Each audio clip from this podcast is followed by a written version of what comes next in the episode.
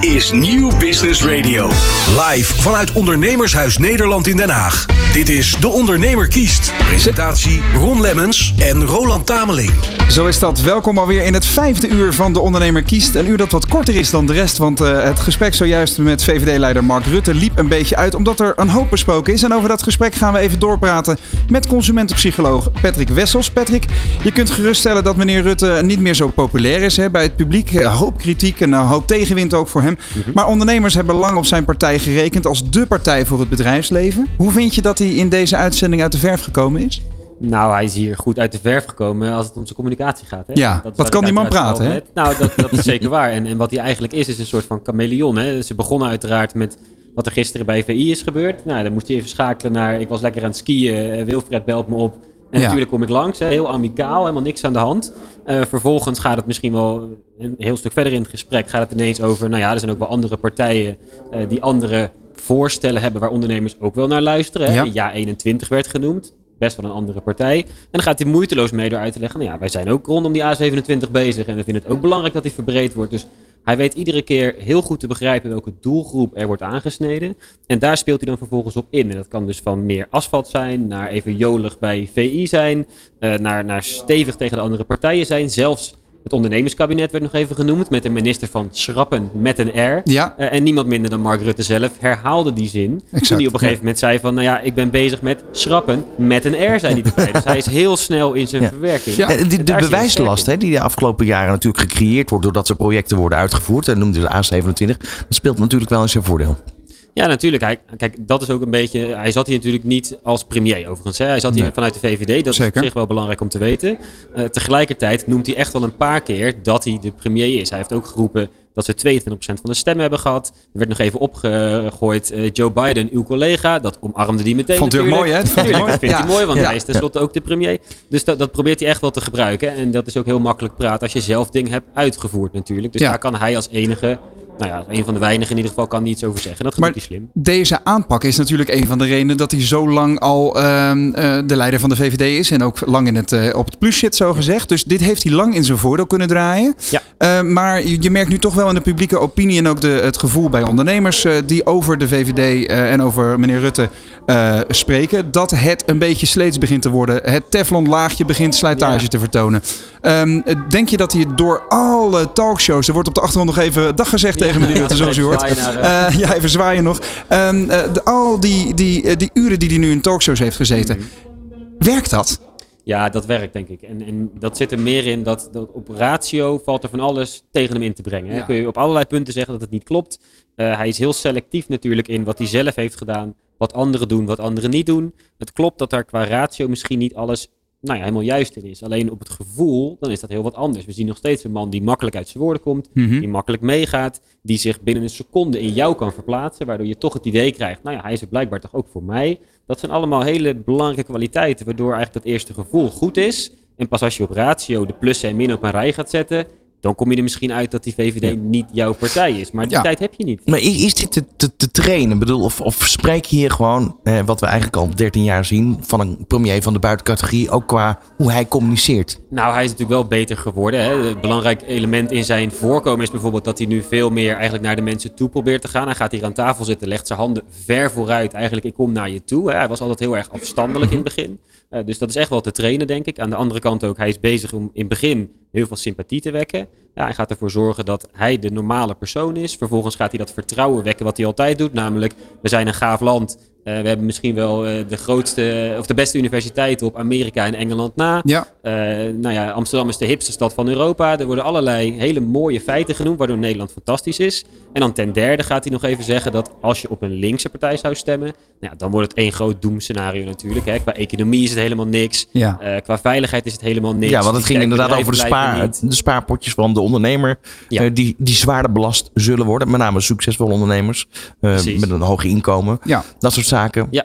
Is hij dat gebruikt ja, die drie schaken. elementen. En op die manier eigenlijk zorgt hij ervoor dat je hem eerst aardig gaat vinden op die sympathie. Dan denk je, nou, ik ga met Mark Rutte mee, want dan krijgen we een geweldig land. En dan vervolgens moet ik niet op een andere partij stemmen. Want hij leert me ook nog even wat ik anders voor enorme rampspoed in Nederland krijg. Dat, dat is een gelaagdheid, dat is niet toevallig, denk ik. Daar heeft hij over nagedacht. Ja, nou, zoals je op de achtergrond hoort, eh, gaan we alweer in de vliegende vaart door naar het volgende gesprek. eh, inderdaad. En, ehm, eh, ik, maar ik heb toch nog eventjes één vraag over eh, de, het gevolg van Mark Rutte. Eh, jij als consumentenpsycholoog, jij, jij eh, kan ook wel aan zijn manier van communiceren wellicht zien of, of eh, in, inleven. Eh, of het op hemzelf ook een gevolg heeft of een effect heeft. Dat hij toch wat tegenwind heeft. Dat het er toch wel na, na wat tegenslagen misschien de moeilijkste periode uit zijn, uit zijn bestaan is als politicus. Ja, dat, dat denk ik wel. Overigens kan ik niet allerlei mensen doorzagen en door ze heen kijken. Dat is even belangrijk om Ja, te ja. zeggen. Ehm, maar ik denk wel dat stel nou dat het inderdaad lastig blijkt, deze verkiezing. En Mhm. stel dat zo'n BBB bijvoorbeeld inderdaad veel succesvoller is. Dan gaat zoiets enorm knagen uiteraard. Ja. Het, het is uiteindelijk een potje bluffpoker om met dezelfde argumenten nog slimmer, nog verder te komen. Ja. Nou ja, en als dat een keertje stopt, ja, dan, dan gaan we echt zien wat het met hem doet. Wat ik ook knap vond, eh, tot slot, dat hij meteen de, eh, de, de handen openzet voor de partijen die mogelijk morgen groot gaan worden. Hè? Dus hij, hij zoekt meteen alweer die verbinding en die samenwerking op. Dat is inderdaad ook wel weer een, een talent eh, dat we zagen van de heer Rutte. verboden woord eh, zou ik niet tegen hem spelen, want dat Peter- ga je verliezen. Ja, wij gaan er straks met je verder praten. Einde van deze uitzending ongeveer. Ja. Want we gaan weer door. Zo is dat. Dit is De Ondernemer kiest. Live tot 6 uur vanuit Ondernemershuis Nederland in Den Haag.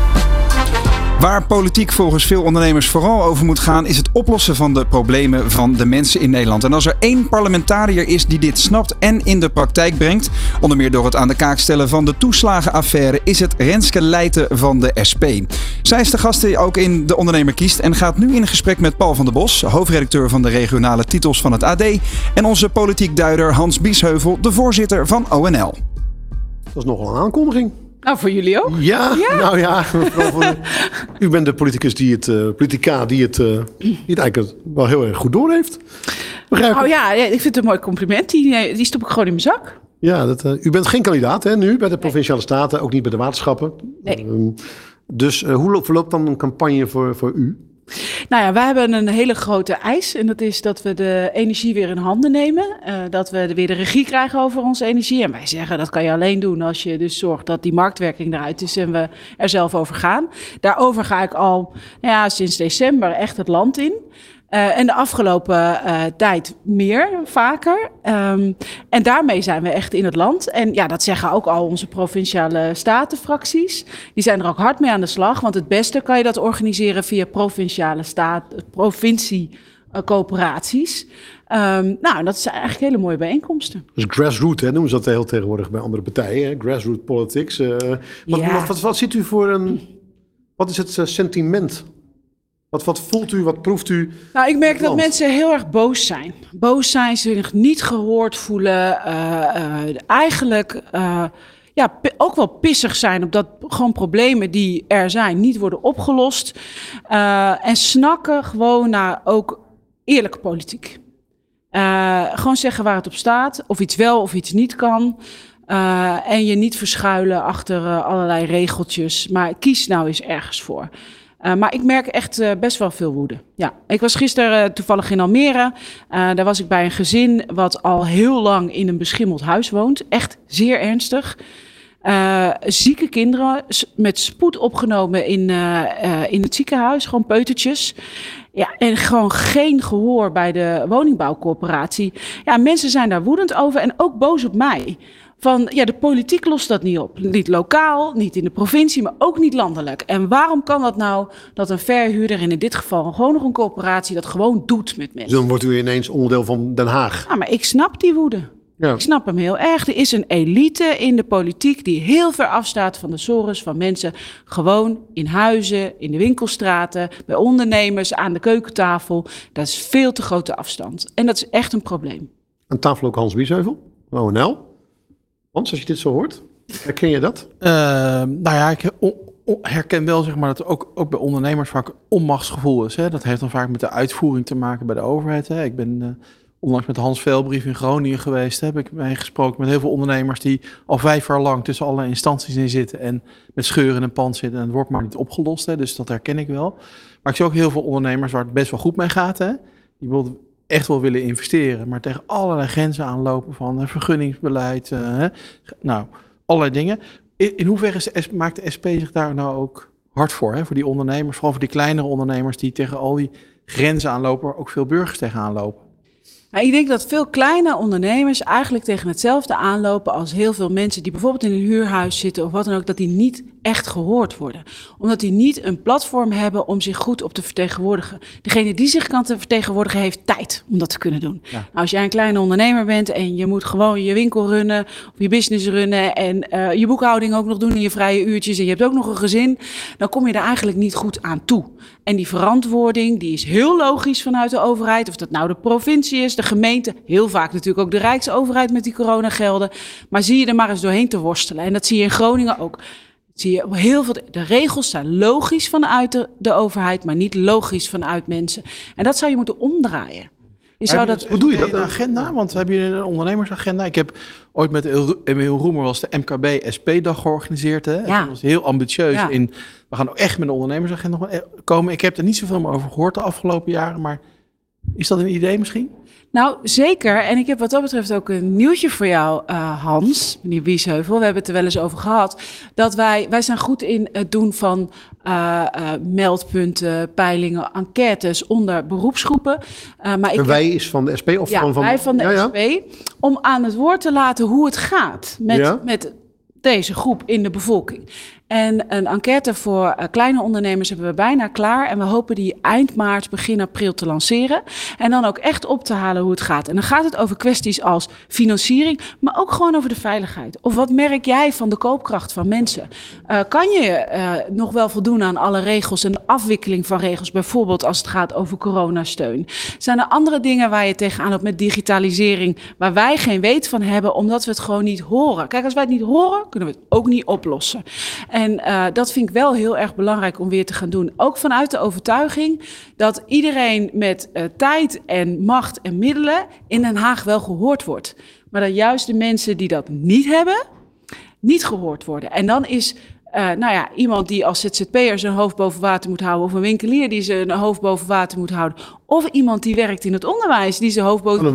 Die hebben, meer met, die hebben weer meer met elkaar gemeen dan een gemiddelde lobbyist hier in Den Haag. En dat is ook eigenlijk wel wat ik graag op de agenda zou willen zetten. Ja, u wordt altijd gezien hè, als degene die de, de toeslagaffaire naar, naar voren heeft gebracht, samen met onder andere Pieter Omtzigt.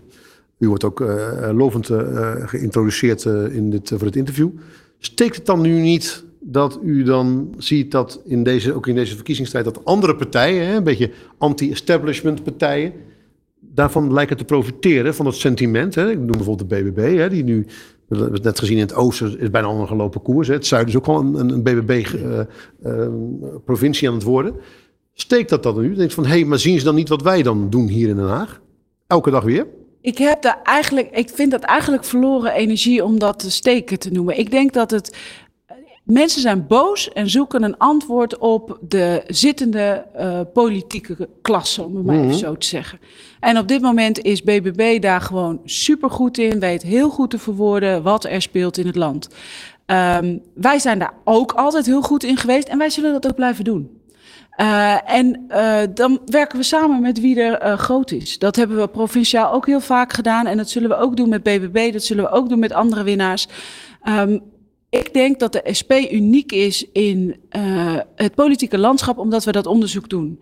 En omdat we dat op tafel leggen. Omdat we niet zeggen van ja, uh, als de Belastingdienst iets zegt, dan zal het wel waar zijn. Of als er wordt gezegd door het CPB dat het niet kan, dan mm -hmm. kan het niet. Wij zoeken altijd naar manieren om toch dingen op de agenda te krijgen, te houden en ook opgelost te krijgen. Um, ja, ik zou daar natuurlijk liever voor beloond worden. Maar tegelijkertijd zie ik de beloning ook wel terug in al die stemmen die we wel krijgen. En voor ons geldt heel sterk dat, we, uh, dat mensen moeten gaan stemmen. Uh, dat heel veel mensen die denken, ja, de SP, dat zijn goede mensen, die hebben het hart op de goede plek. Dat zijn ook vaak de mensen die denken, ja, wat zal stemmen mij nog brengen? Dus ik roep iedereen ook echt op, ga stemmen. Want als je niet gaat stemmen, ja, dan laat je anderen wel beslissen voor jou. En dat kan ook zomaar die agenda zijn waar je heel boos over bent. vandaag niet zo heel veel over gehad, maar bent u een beetje bang voor de opkomst morgen? Die was ook bij de gemeenteraadsverkiezing al niet zo heel hoog, hè? Opkomst in uh, uh, buurten en onder groepen mensen die op de SP stemmen is altijd traditioneel laag. En ik hoop dat iedereen gaat stemmen. Op de provinciale statenverkiezingen is ook altijd mm, uh, lager. Lager dan de gemeenteraad vaak nog. En dan, ja, en dan... ja. En, en we hebben wat dat betreft een probleem in de democratie. Hè? Uh, we zijn een diploma-democratie, zoals dat heet. Heel veel mensen begrijpen er helemaal geen sikkepit meer van. Die lui die doen maar. Dit gaat niet over mij. En ook vandaag in het nieuws. Het aantal stembureaus is aanzienlijk minder ja. geworden. En daar waar, je dus, waar de mensen het minste verdienen en het minst in de portemonnee hebben, zijn de stembureaus ook het minst aanwezig. Zegt, ja, dan haal je mensen ook niet naar de stem, stembus toe. Dus ik vind dat echt een probleem. En uh, ja, daar zullen we een grote discussie over moeten voeren. En daarom zeggen wij ook. Uh, zorg bijvoorbeeld voor een correctiemogelijkheid. Zorg dat mensen een referendum kunnen organiseren. als ze vinden dat de mensen hier in Den Haag. Uh, en dat kan ook een fout van mijzelf zijn, dat je dat moet corrigeren. Hebt u niet de handen voor op elkaar, hè? Jawel, er is net een wetsvoorstel voor aangenomen. Ik mag naar de Eerste Kamer om het te verdedigen. Ja, maar in de Eerste Kamer ligt het toch heel gevoelig, hè? Nee, in de Eerste Kamer... Je bent al aan het, uh, coalitie aan het smeden. In de Eerste Kamer gaat die wet het ook gewoon halen. In dat, de nieuwe, hè? In de nieuwe ook. Het grote punt is, is dat we twee derde meerderheid nodig hebben voor een grondwetswijziging. Dus bij de volgende verkiezingen en bij deze verkiezingen moet iedereen nadenken over: ben ik voor de, meer democratie? Stem voor een partij die voor het referendum. U zegt trouwens, dit is een diploma-democratie uh, aan het worden, een diploma-maatschappij. Ik voel juist dat een, een, een, een toenemend, de laatste anderhalf, twee jaar, een toenemende waardering, toenemende uh, uh, ook financiële waardering, voor met name het VMBO, MBO, voor technische vakken, hè, al is het bedrijfsleven, we hebben mensen nodig. Ik zie juist dat de tendensen zijn dat we daar een beetje van afstappen en dat we juist steeds meer waardering krijgen voor VMBO, MBO. Ja, maar dan zou ik wel willen zeggen: put your money where your mouth is. Mm -hmm. Ik bedoel, we zien nog altijd dat, dat uh, over het algemeen de slechtste arbeidsomstandigheden zijn, de slechtste contracten zijn. En op het moment dat er een tekort is, dan schieten de salarissen omhoog. Maar op het moment dat je vervangen kan worden, word je ook vervangen. En je ziet dat toch heel sterk mm -hmm. gebeuren. Um, je ziet het bijvoorbeeld in de zorg. Uh, de, die moeten nu staken voor een goed salaris. En dan zeggen. Deskundig, hè? Ja. ja, ja, maar dat zijn ook de verzorgenden ja, en dat zijn ook de helpende, want het is allemaal. Mm. Ja, en dan zegt de regering doodleuk, ja, dan mag jij meer premie gaan betalen. Nou, zullen we dan eerst eens zorgen dat we die bureaucratie aanpakken, dat we het daar gaan halen. Die verdeel en heers is er enorm, dus het is allemaal wel heel mooi gezegd, maar het is Geld. nog niet echt gebeurd. Je ziet het niet terug in de, in de beloning van mensen. Je ziet het daarin niet terug. En dat vind ik echt wel heel ernstig. Werkgevers zitten mede daar, hè? Ja, Dus maar, ja maar, maar goed, dat zijn, dat zijn niet de MKB'ers Mm. hè, die aan de CAO-onderhandelingstafel zitten. Het zijn over het algemeen de grootbedrijven die dat tegenhouden. Hè? En die wel hun zakken vullen over de rug van de vakkenvullers. Mm. En aan hun aandeelhouders geven. Maar die er ook voor zorgen dat de mensen minder te besteden hebben bij de kleine ondernemer, bij de fietsenmaker. En dat is echt een groot probleem. Op dit moment hebben we grote inflatie. Dat komt niet door een loonprijsspiraal, zoals dat heet. Maar dat komt gewoon omdat ze een extra opslag doen voor de winst van de korte termijn voor de aandeelhouders. En daar hebben juist kleine en middengrote ondernemers ontzettend veel last van. Ook hier zie je dat er meer gemeenschappelijk is tussen nou ja, de mensen die winkelen in de winkel en de winkelier achter de toonbank dan uh, de aandeelhouders van, uh, van Ahold. En dat moeten we denk ik goed beseffen, wat er ook op het spel staat als het gaat over politieke vraagstukken. Is het niet zo dat, dat het, het, imago van het bedrijfsleven, van ondernemers, vooral wordt bepaald door die vijf, zes grote multinationals, hè, die de, uh, terwijl het ook maar 3, 4 procent is van het hele bedrijfsleven in Nederland. Precies. Bepalen die niet gewoon het totale imago van het heel ondernemend Nederland op dit moment? Ja, dat is uh, vaak wel een groot probleem. En het zou goed zijn als, als daar ook binnen ondernemend Nederland wat meer op gepolariseerd worden. Ja, nou ja, dit is wel een heel gevoelig punt. Je had net over die Als Biesheuvel trouwens. Ja, je had net over de fietsenmaker. Hè? Nou ja, ja, dat zijn mensen die ik elke dag bezoek in het land. Die hebben niet alleen te maken met die hogere loonkosten, maar die hebben ook een hogere energierekening. Die hebben Precies. 15% hogere huur. De grondstofprijs gaat omhoog, alles vliegt omhoog. De lokale belastingen. Ah, en mensen die het niet meer kunnen betalen als ze in de winkel staan. Nou ja, en die hebben dus vaak een hele goede band met de klanten. Die durven bijna niet eens de prijs te verhogen, want ze weten, dan raak ik mijn klanten mm -hmm. in de portemonnee. Dus die druk op die marge is groot, hè? ontzettend groot. En ik zou het nou zo fantastisch vinden als u ook daar een keer voor op wil komen in die Tweede Kamer. Hè? Want het gaat inderdaad vaak over die 65 grote bedrijven, voor die megawinsten. Maar het overgrote deel van de MKB'ers, hè, die heeft een inkomen zelf, hè, wat rond bijstandsniveau ligt. Hè. Ja. Uh, bijna de helft, hè, we meten dan via de kleinbedrijfindex, hoe ontwikkelt zich de conjunctuur bij het kleinbedrijf. De helft van de MKB'ers heeft een inkomen rond bijstandsniveau. Kun je dat één keer nog herhalen? Hè? Want dat, dat is wel ja, dat is echt een belangrijk punt. Nou, de, de helft? De helft van de... Maar dat is dus precies en, waarom ik maar zeg... Dus, maar, maar mijn vraag aan u is van, bent u bereid, net als voor die toeslagen, nou, u zich echt hard te gaan maken in die Tweede Kamer, te gaan knokken voor die ondernemers? Want dat doen heel weinig partijen op dit moment. Nou, dat is precies wat ik dus wil doen met die enquête. Ja. Ophalen, Ja, wat speelt er nou enquête precies? is één ding, maar wat gaat u doen daarna? Nou ja, dat ligt ook aan wat daaruit komt. En kijk Hans, jij kent die mensen supergoed. Ik spreek ze ook. Ik zie ook die bloemisten eh, eh, in de buurten eh, schipperen met wat kan ik nog vragen. Want het is eigenlijk het enige wat ja. mensen nog kunnen. En wat fijn in het weekend een bloemetje. Maar het kan er eigenlijk niet meer vanaf. En en die, die, die sappelen. Daar moeten we het veel meer over hebben dan over die supermarkt waarin je ziet dat de jonkies worden uitgebeend eh, en worden ingewisseld op het moment dat ze te duur worden. En daarom zou ik het zo mooi vinden als je zou kunnen zien dat het verschil tussen het klein en het middenbedrijf, 100, 150 werknemers, wel max, met de grote jongens echt heel groot. En wij doen daar best heel veel voor. Wij zeggen daarvan, eh, verlaag daarvoor ook de lasten. Op het moment dat wij zeggen, we moeten energie weer in eigen hand nemen, zodat je goed de regie kan nemen, ook over de prijs, is dat ook goed voor hen. Op het moment dat wij zeggen, zorg dat gemeenschappen, kernen bereikbaar zijn met goed openbaar vervoer, is dat juist ook goed voor die winkelstraat. Eh, en ik denk dat je dus veel meer moet polariseren op dat verschil tussen die ondernemers dan denken, ja, als je ondernemer bent, dan ben je happy grootverdiener. Want dat is helaas niet zo voor iedereen. Dus consument en kleine ondernemer zijn meer bondgenoot dan het bedrijfsleven. Absoluut, absoluut. En het korte termijnbelang van die enkele aandeelhouders die over het algemeen in Amerika zitten, is een veel grotere tegenstelling dan tussen de mensen die kopen in de winkel en de winkelier achter de toonbank. Twee vragen nu. Eén, eh, Mark Rutte was net hier. Eh, Ja. Die zei, eh zij zijn aan het kijken naar maatregelen om, om arbeidsongeschiktheid. Hè, of, of in de ziektewet. Twee jaar is voor kleine ondernemers heel erg lang. Om het risico misschien aan de overheid over te hevelen. En voor een deel bij de werknemer. Hoe, hoe ziet u dat? U kent waarschijnlijk het Wij hebben in het verleden, en ik durf het bijna niet te zeggen, omdat het komt omdat ik een dingetje heb met de minister-president, ook door het toeslagenschandaal. Maar we hebben in het verleden juist met de VVD samen opgetrokken om het na één jaar te krijgen. Dat dat nog steeds niet is gebeurd, vind ik echt een groot probleem.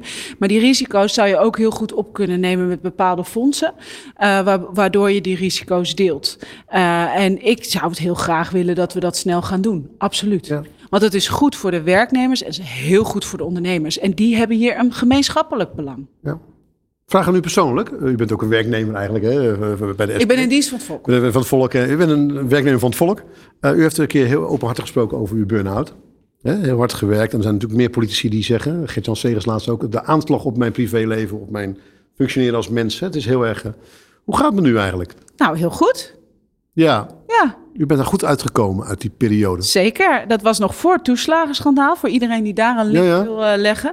Eh, nee, en de laatste tijd, ik zei dat net in de voorbereiding voor dit gesprek, veel het land in. Wat ik het leukst vind wat er is. Als ik uit de Haagse bubbel kan stappen om, nou ja, gewoon gewone mensen te spreken. Wat speelt daar? Eh, de dingen te zien die je op de agenda moet zetten waarvoor ik in de politiek zit. Daar word ik heel gelukkig van. Maar ik merk ook dat ik, als ik in Den Haag ben, een, een, een nou, af en toe wel eens een, eh, een hoge eh, irritatie voel. Een wat korter lontje. Ik denk niet dat het erg is om dat te laten zien. Maar af en toe denk ik wel, eh, eh, laat de boel maar de boel. En dat is uiteindelijk natuurlijk niet zo verstandig om dat te doen. Nee, vraag je overigens, dat, over, over de peiling. Hè, de BBB zit daar heel goed voor. Ja. Ehm, de SP, uiteindelijk is een, ook, ook een soort bedrijf, die zal af en toe eens winst moeten boeken. Daar zit af en toe wat tegen, dat weet u. Ehm, wat is de situatie bij de SP als het dit keer wederom geen, geen overwinning wordt? Of, of geen, geen zetelwinst ten opzichte van vier jaar geleden? Of wat, eh, Kijk, wat is dan de... Ik kan allerlei. Perspectief. Ja, ja, nou ja, dat perspectief is gewoon eh, doorgaan. Eh, verkiezingen zijn momenten van oogsten, zoals dat heet. Eh, en dat betekent dat we beter moeten gaan inzaaien. Afgelopen tijd voel ik een hele goede sfeer rond onze eh, partij. De zalen zitten echt vol. Het boek van Lilian Marijnissen is goed ontvangen. Eh, wij houden wel koers. Eh, ik ben daar niet zo bang voor. Ik hoop vooral dat de mensen die de SP een warm hart toedragen, dat die ook echt gaan stemmen. Want het is belangrijk. Als je boos bent op dit kabinet, als je boos bent op Mark Rutte. Kijk, Mark Rutte blijft zitten omdat hij de grootste is. Niet omdat hij een meerderheid van Nederland achter zich heeft staan. Sterker nog, dat is maar een heel klein gedeelte wat uiteindelijk van de Nederlandse bevolking op hem stemt. Als die andere bevolkingsgroepen gaan stemmen. Ja, dan hebben we ook een grotere stem in Is, de is er een kans dat het kabinet valt? Na, na deze Daar gaat het kabinet uiteindelijk zelf over. Het kabinet gaat dat ten ik, onder ik, dat- vanuit interne, eh, interne ongemakken. Eh, dat kan uit, uiteraard. De tegenstellingen zijn groot in dit kabinet. Eh, ik vind het een liefdeloos huwelijk. Dat vanaf het begin af aan al. Ehm, en ik denk dat het land er beter aan toe zou zijn aan gewone reguliere verkiezingen. waarin de kaarten opnieuw geschud zullen worden. Ik wens u een goede woensdagavond. Dank u wel. Dank u wel. Dit is De Ondernemer kiest. Live tot 6 uur vanuit Ondernemershuis Nederland in Den Haag. Van hippe start-up tot ijzersterke multinational. Iedereen praat mee. Dit is New Business Radio. Elke dinsdag schuiven topondernemers aan voor de lunch. Bij De Ondernemer. Met Remy Gieling aan het hoofd van de tafel krijg je alles mee. Van arbeidsmarkt tot groeikansen. Van bedrijfscultuur tot innovatie. De Ondernemer. Elke dinsdag van 11 tot 1. Live op Nieuw Business Radio. De Ondernemer kiest. Nieuwsupdate. Met Tamara Bok.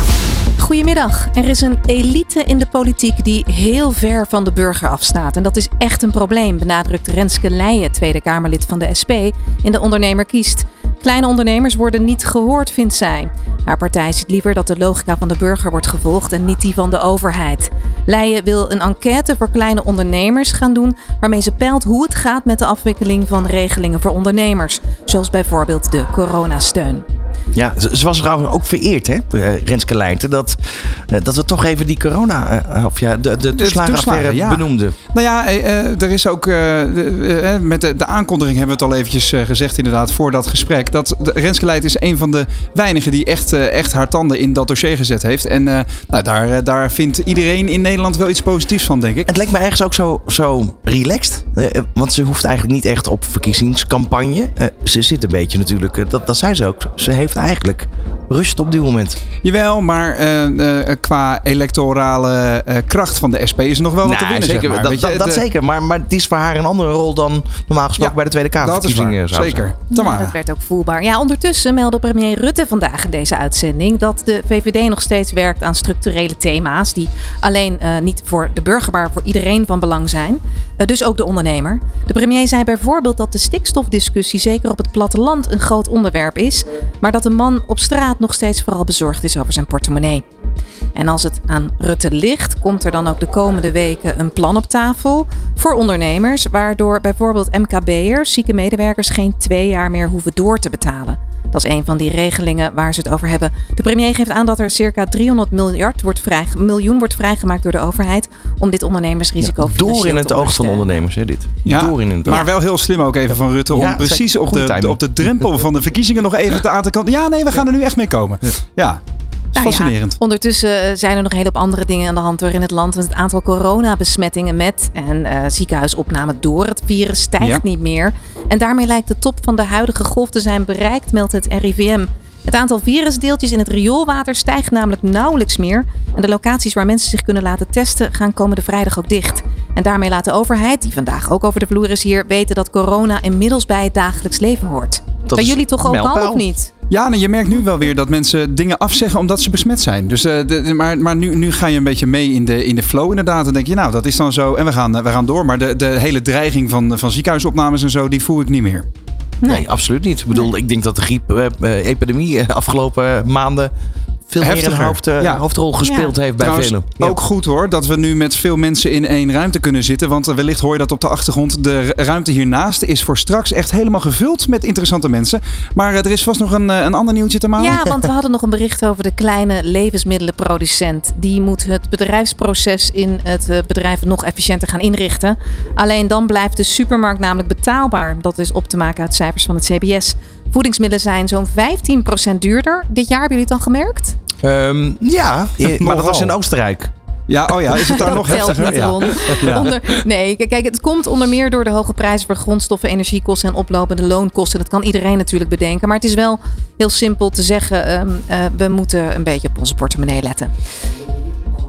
Oké. Doen jullie dat ook? Nogal, En, dan, en ja. vanavond wordt het ook weer gewoon normaal weer. En dan vannacht wordt het wat kouder. Morgenochtend moet je een warme trui aan. Ja, En dan smiddags gaat de zon weer schijnen. heel fijn. Dan gaan wij in eh, vliegende vaart door naar het volgende onderwerp, Ron. Dankjewel, Tamara. Dit is De Ondernemer kiest. Live tot 6 uur vanuit Ondernemershuis Nederland in Den Haag. De afgelopen uren heb je tijdens de Ondernemer Kiest kunnen kijken en luisteren naar experts, journalisten en politici over de meest uiteenlopende onderwerpen die belangrijk zijn voor ondernemers. Maar nu is het tijd voor een discussie aan de hand van drie prikkelende stellingen met drie prominente MKB-woordvoerders uit de politiek. Aan tafel naast pre- presentator Thomas Hendricks en voorzitter van ONL Hans Biesheuvel, eh, tevens ons politiek duider van vandaag, zitten Mustafa Amouch van het eh, CDA, Romke de Jong van D66 en Farid Azarkan namens DENK. Dankjewel Roland, dan hoef ik ze ook niet meer voor te stellen. Dat is ook mooi. Eh, en ik zal ze vanzelf nog wel een paar keer benoemen. Eh, welkom heren, alle drie. Uh, dankjewel Hans weer voor je gastvrijheid. Geweldig dat we hier zijn. We gaan zo meteen praten over een aantal stellingen. Elke stelling kan door uh, één iemand in eerste instantie worden ingeleid of gereageerd. En dan kunnen de anderen daar weer op reageren met hun eigen visies en standpunten. Hans zal uh, een en ander inleiden en uh, na afloop ook duiden. En ik zal hier en daar een vraag stellen of het misschien nog iets meer richting ondernemers duwen waar dat, waar dat nodig is. Maar toch nog even, omdat ik een beetje ben gaan, gaan zoeken. En ik vond het leuk om dat soort dingen even op te zoeken. Romke, Romke de Jong. We zijn uh, van de voornamen. We kennen elkaar uh, inmiddels ook een beetje.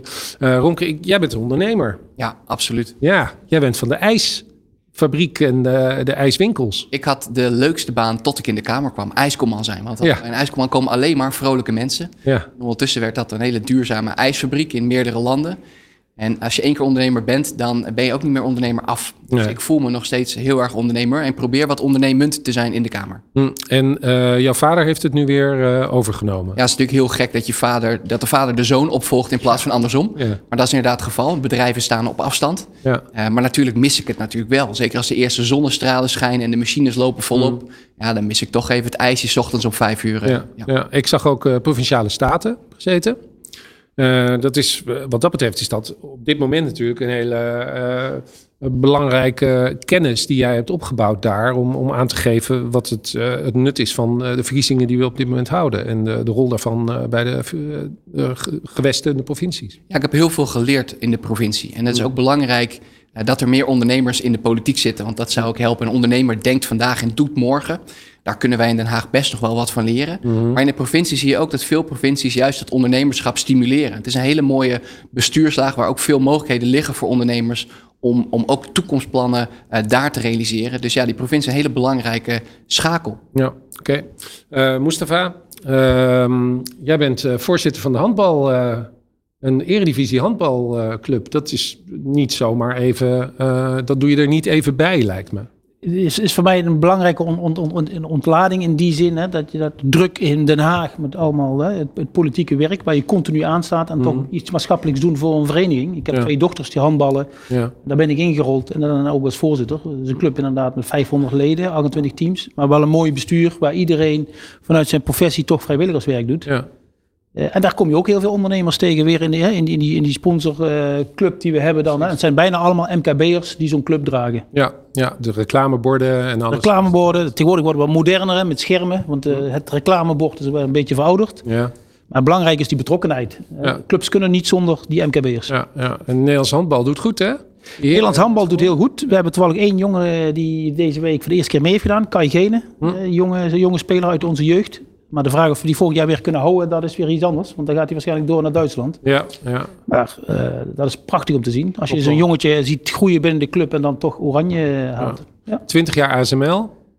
Ja, dat is weer een andere. Ja. Ik ben geen ondernemer, wel heel ondernemend. Ja, in die zin. ja. En, en heb je daar ook veel te maken gehad met de innovatie en de ontwikkeling? Of wat ja, ASML is een en al innovatie op, alle, op allerlei gebieden. Zowel op de bedrijfsproces, maar ook op de producten en op productie. Ja, ik, ik, ik heb uh, ongeveer negen jaar in de manufacturing engineering gezeten. Dan ben je dus bezig met doorlooptijdverkorting, kwaliteit. En daarna tien jaar in leidinggevende functie en veel met de serviceorganisatie. Ja. Hoe, hoe bouw je een machine die te onderhouden is? En waar je altijd mee te maken hebt, is AS, iedereen denkt dat ASML zelf produceert. Ja, ASML integreert, dus die bouwt die machine samen. Maar de onderdelen komen allemaal van honderden MKB-bedrijven. Uit Limburg, Brabant, Gelderland, Overijssel, Zuid-Holland. En dat wordt allemaal tot één prachtige machine gemaakt. Ja. Waar heel veel over te doen is in de laatste, laatste tijd, moet ik zeggen. Ja, nou en of. En zeker met die uh, China-discussie. Ja. Hoe kijk je daar tegen? Ja, ik vind het wel uh, best wel complex. Kijk, aan de ene kant wil je China niet alles geven wat ze willen, hè, die voorsprong. Uh, ik, ik, zie dat ook wel eens een balanceeract. Hmm. Wat is strategisch belangrijk voor Nederland, maar ook voor Europa, ja. om niet weg te geven. En aan de andere kant is het natuurlijk wel een hele grote economisch belang, want het is het grootste beursgenoteerde bedrijf wat wij hebben, maar er zitten werken tienduizenden mensen. Ja. Maar daarachter zitten honderden MKB-bedrijven. Ja. Iedereen zegt wel, ja, moet er zoveel focus op ASML zijn? Maar die MKB-bedrijven die er rondom me heen, die leveren een gedeelte aan ASML. Maar een gedeelte ook aan de defensieindustrie, een gedeelte aan de medische industrie. Dus ik denk dat er wel uh, heel veel haarvaten, zeg ik maar, uh, voorzien worden door ASML. Dus hebt een beetje de, de productontwikkelrol van Philips overgenomen. Hè? Ja, maar Philips moet je ook weer niet onderschatten. Kijk, ASML, Philips en dan heb je volgens mij KPN en nog volgens mij een viertal bedrijven in Nederland die doen volgens mij, ik even grof, misschien wel 60, 70 procent van de R&D en alle patenten. Mm. Uh, en dat doet Philips ook nog steeds. En ASML doet dat. Ja. Uh, en dat is wel weer voor Nederland heel belangrijk. Want het zijn toch de grote bedrijven uh, die de, heel veel in die innovatie zitten. Ja. Maar gelukkig Vroeger had je een groot bedrijf, die kneep een beetje de toeleverancier af. Je moet dit onderdeel maken, dan krijg je een prijs voor. Maar tegenwoordig, omdat we hoog innovatieve producten maken, zie je veel meer samenwerking. Dan zie je bijvoorbeeld een ASML met een toeleverancier zegt, hey, hoe kan jij ook innoveren, zodat we die groei samen bij kunnen houden? Dat is een hele andere manier van benaderen. Ja. Ronktaus D66, uh, Mustafa CDA, uh, Farid, fractievoorzitter Denk. Ja, voorzitter van uh, de, hoe heet dat, stuurgroep uh, MKB, of uh, het overleg in ieder geval, hè, over het MKB in de Kamer en daarbuiten. ik, ben een tijdje, ik ben een tijdje voorzitter geweest van Economische Zaken, ja. Klimaat, een aantal jaar. Ehm, maar ik ben al een aantal jaar ook woordvoerder hm. op dat gebied. Ja, oké. En je hebt een vastgoedadviesbureau gehad. Dat is nou, dat bureau bestaat, bestaat nog steeds. Nou, sterker nog, ik ben vanaf 2000 ondernemer. Ja. En dat leerde ik van een aantal steengoede ondernemers bij ABC Management Groep. Toen in Veenendaal, Leidschendam, Amsterdam en Assen. Bouwmanagement, projectmanagement, planontwikkeling, facility management. Ik was jong. Ik had iemand in de, in de organisatie, zag het in mij zitten. Uh, 30, 31, mocht ook partner worden. En sindsdien ben ik ondernemend. Hm. En dat heeft geleid in een bedrijf opgezet op het gebied van vastgoed consultancy. Dat bestaat nog steeds. Twee andere partners hebben me uitgekocht. Ja. Uh, maar ik heb ook een, een, een horecabedrijf gehad uh, met mijn broer samen een mooie cafetaria gekocht. Waar we vroeger als jonge jongens kwamen in Schoonhoven. En toen dat vrij kwam, toen zeiden wij, dat willen wij kopen. En, en daar zit, mijn broer inmiddels heeft dat alleen voortgezet sinds een aantal jaren ik in de politiek zit. Maar hij zit er al, uh, wat is het, 23 jaar. En dat, dan, dan weet je echt dat ondernemerschap, dat vind ik het mooiste, is ja, de feedback die je krijgt op beslissingen die je neemt. Dat is eigenlijk heel direct. En dat heb je bijvoorbeeld, ik, ik ben ook topambtenaar geweest. Ja, daar duurt het zeker in een beleidsomgeving, duurt het gewoon heel lang voordat je terugkrijgt wat het werk wat jij doet nou opgeleverd heeft. Hmm. En, en, daarom ben ik liever, ik heb ook jaren bij een uitvoeringsorganisatie gewerkt, ik wil ook doen, want dat beleid maken is ook wel heel erg houdbaar. Jij bent van Denk. Um, Hans, jij bent van de ONL. Ja, nou ja, het klinkt allemaal heel ondernemend, dus dat is mooi. Uh, ik heb drie stellingen en ik ga jullie alle drie een stelling voorleggen. Ja, maar op ik ga, dan heb ik een verrassing voor je. Ja. We gaan naar stelling 1.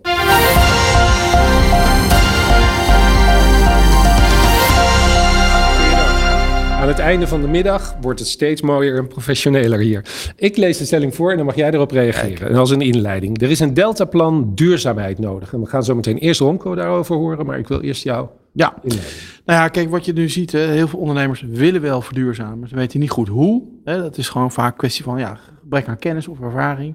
Maar waar je ook tegenaan loopt, is allerlei grenzen. Je koopt een elektrische bus, je kan hem alleen niet opladen. Of je wil je zonnepanelen op je dak zetten. En dan zegt de verzekeraar, helaas verzeker je pand niet meer. Hmm. Dus ja, je, je hebt eigenlijk veel meer regie nodig. Hè. Je ziet ook dat uh, gemeentes die gaan milieuzones instellen. Maar ja, als je die elektrische bus uh, niet kan aanschaffen, omdat je hem niet kan financieren, je krijgt hem niet opgeladen. Je moet nu wel de beslissing nemen van, ja, ik moet mijn bus vervangen. Ja, wat doe je dan als ondernemer? Hè? Heel ingewikkelde vragen. Ik ben de afgelopen jaar meer dan 200 werkbezoeken in het land geweest. Ook met deze heren, maar ook met ministers. En eigenlijk bij elk werkbezoek loop je tegen dit soort praktische uh, problemen aan. Mm. Er wordt veel benoemd en besproken, maar nog relatief weinig opgelost. Althans, een beleving van veel ondernemers. En mijn stelling is, hè, er moet echt veel meer regie op komen en moet het tempo maken. Uh, want heel veel ondernemers, uh, zeker van mijn generatie, hè, die dachten, ja, gaat mij deur wel voorbij die verduurzaming. Inmiddels zijn ze erachter, als ik niks doe, ga ik het gewoon niet meer redden. Mijn bedrijf is straks niks ja. waard. Dus ook een kans om een versnelling aan te brengen in die verduurzaming. Maar dan moeten we wel gaan doorpakken. Ja, en met Deltaplan bedoel je waarschijnlijk dat het alle sectoren en alle gebieden tegelijkertijd min of meer moet beïnvloeden. Ja, zoals Mustafa net al beschrijft. Hè, kijk, we zitten in een, in vaak in, zit je in een ja, vreselijk woord, maar ecosysteem. Hè. Je bent onderdeel van een keten. Ja, hè. precies. Eh, je kan niet, niet alleen maar in je eentje die beslissingen nemen. Je hebt die hele keten dan nodig om, om dat te kunnen doen. Eh, en nogmaals, we moeten tempo maken. Je ziet de grote bedrijven verdienen op dit moment veel geld. Die kunnen makkelijk investeren. Ja. Met de MKB staan die marges enorm onder druk. Die kunnen veel makkelijker, eh, Mhm. minder makkelijk investeren. Banken staan niet meer te trappelen om, de, om te financieren, maar al helemaal niet de verduurzaming. Mhm. Dus dat tempo wat we willen, dat kunnen heel veel ondernemers gewoon niet maken op dit moment. Oké. Romke, een deltaplan voor duurzaamheid. Nou, ik denk het belangrijkste is, eh, wat de heer Biesheuvel ook aangeeft, is in ieder geval de snelheid. Het moet gewoon echt sneller. En ik spreek bijna wekelijks ondernemers die tegen eh, heel veel zaken aanlopen. En ik spreek heel veel ondernemers die willen verduurzamen, die zien dat hun klanten erom vragen. Die zeggen, ja, dat, dat moeten we nu ook. Maar die zijn bezig met hun product of hun dienst. En wij hebben ook een voorstel ingediend, dat noemden wij de groene boswachters voor ondernemers die door de duurzame bomen het bos niet meer zien. En wat we vroegen, zet nou iemand naast je in je bedrijf om te kijken, waar kan ik het nou beter doen? Waar moet ik dat nou doen? Want veel ondernemers willen wel, maar weten dan ook niet hoe. En dan zit je ook nog met de financiering. En daar hebben we voorstel dat groene leningen, dat heeft dan tegenwoordig technisch de BMKB Groen. Maar die ondernemer die wil wel investeren, maar die weet niet precies eh, hoe die dat kan doen en hoe die het ook goedkoop en snel kan doen. Dus het moet sneller, het moet beter. Dat ben ik ook helemaal eens in deze stelling. Ik weet niet of dat de titel Deltaplan nou per se moet krijgen. Eh, maar belangrijker is wel dat het in ieder geval duidelijk moet zijn, ook voor de minister, dat er veel meer snelheid nodig is. En volgens mij proberen we dat in de Kamer. Ik merk het ook aan mijn tafelgenoot in de commissie om daar snelheid op te zetten. Eh, maar belangrijk is dat die ondernemer niet gehinderd wordt eh, door de beperkingen die we nu, nu ervaren met elkaar. Dus het moet sneller en het moet meer en het moet ook makkelijker voor die ondernemer worden. Want vergis je niet, en nog even aansluiten op wat, wat de heer Biesheuvel net aangaf. Grote bedrijven hebben daar veel expertise voor in huis. Maar voor die kleine ondernemer is dit complex. We hebben heel veel subsi- subsidies, we hebben heel veel regels. Maar vind ze maar eens. Ik ben zelf ondernemer. Ik weet wat een zoektocht het was om de juiste potjes bij de juiste doelen te vinden.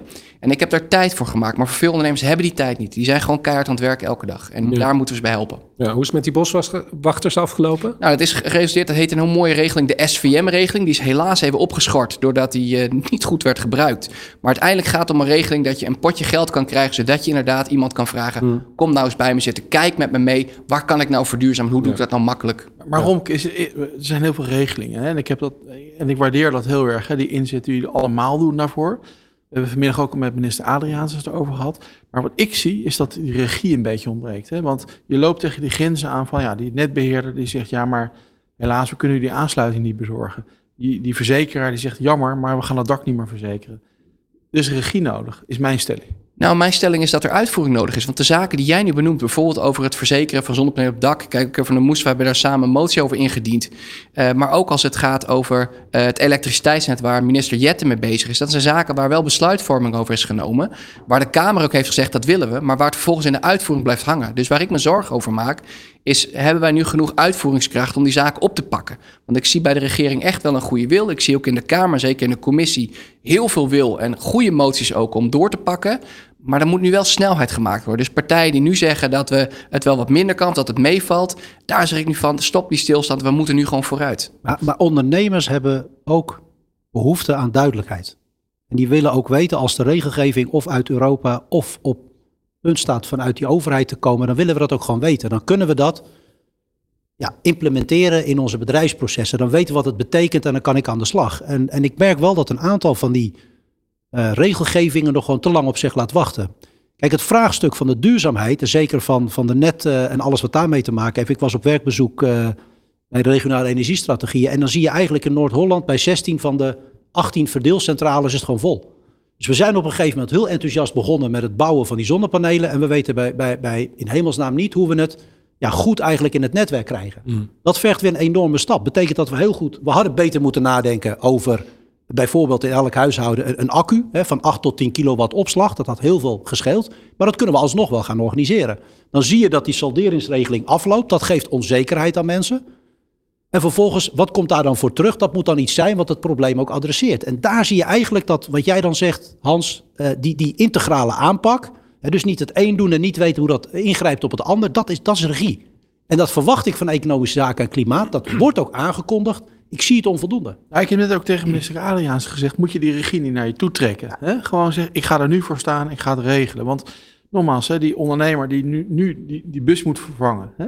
Die weet dat weten- over anderhalf jaar niet meer die milieuzone inkomt. Maar hij krijgt hem nog eens niet gefinancierd en niet opgeladen. Wat raden jullie die ondernemer nou aan? Wat Nou, moet je dan doen? Wat belangrijk is en wat minister Adriaansen ook heeft gedaan, hopelijk naar aanleiding van een uitspraak van de Kamer, is in ieder geval breng alles nou bij elkaar onder één dak. Hè, zorg nou voor dat één loketprincipe. Want heel veel ondernemers weten het ook niet te vinden. En dat is natuurlijk wel zorgelijk. En dan nog los van wat collega Asserkan aangeeft over dat beleid. Uiteindelijk komt in die uitvoering. En dan moeten die ondernemers het wel weten te vinden. En ik maak me heel erg zorgen over de vindbaarheid van alles wat we doen. En zorg er nou voor dat die ondernemer dat op één plek kan vinden. En daar roep ik minister Adriaans ook op. Regel dat nou gewoon. We zijn hier lang mee bezig. Ik zit nu twee jaar in de Kamer. Volgens mij collega Amhuis en Asserkan een stuk langer. Dit is ook al voor mijn periode is hierover gesproken. En maak daar nou alsjeblieft haast mee.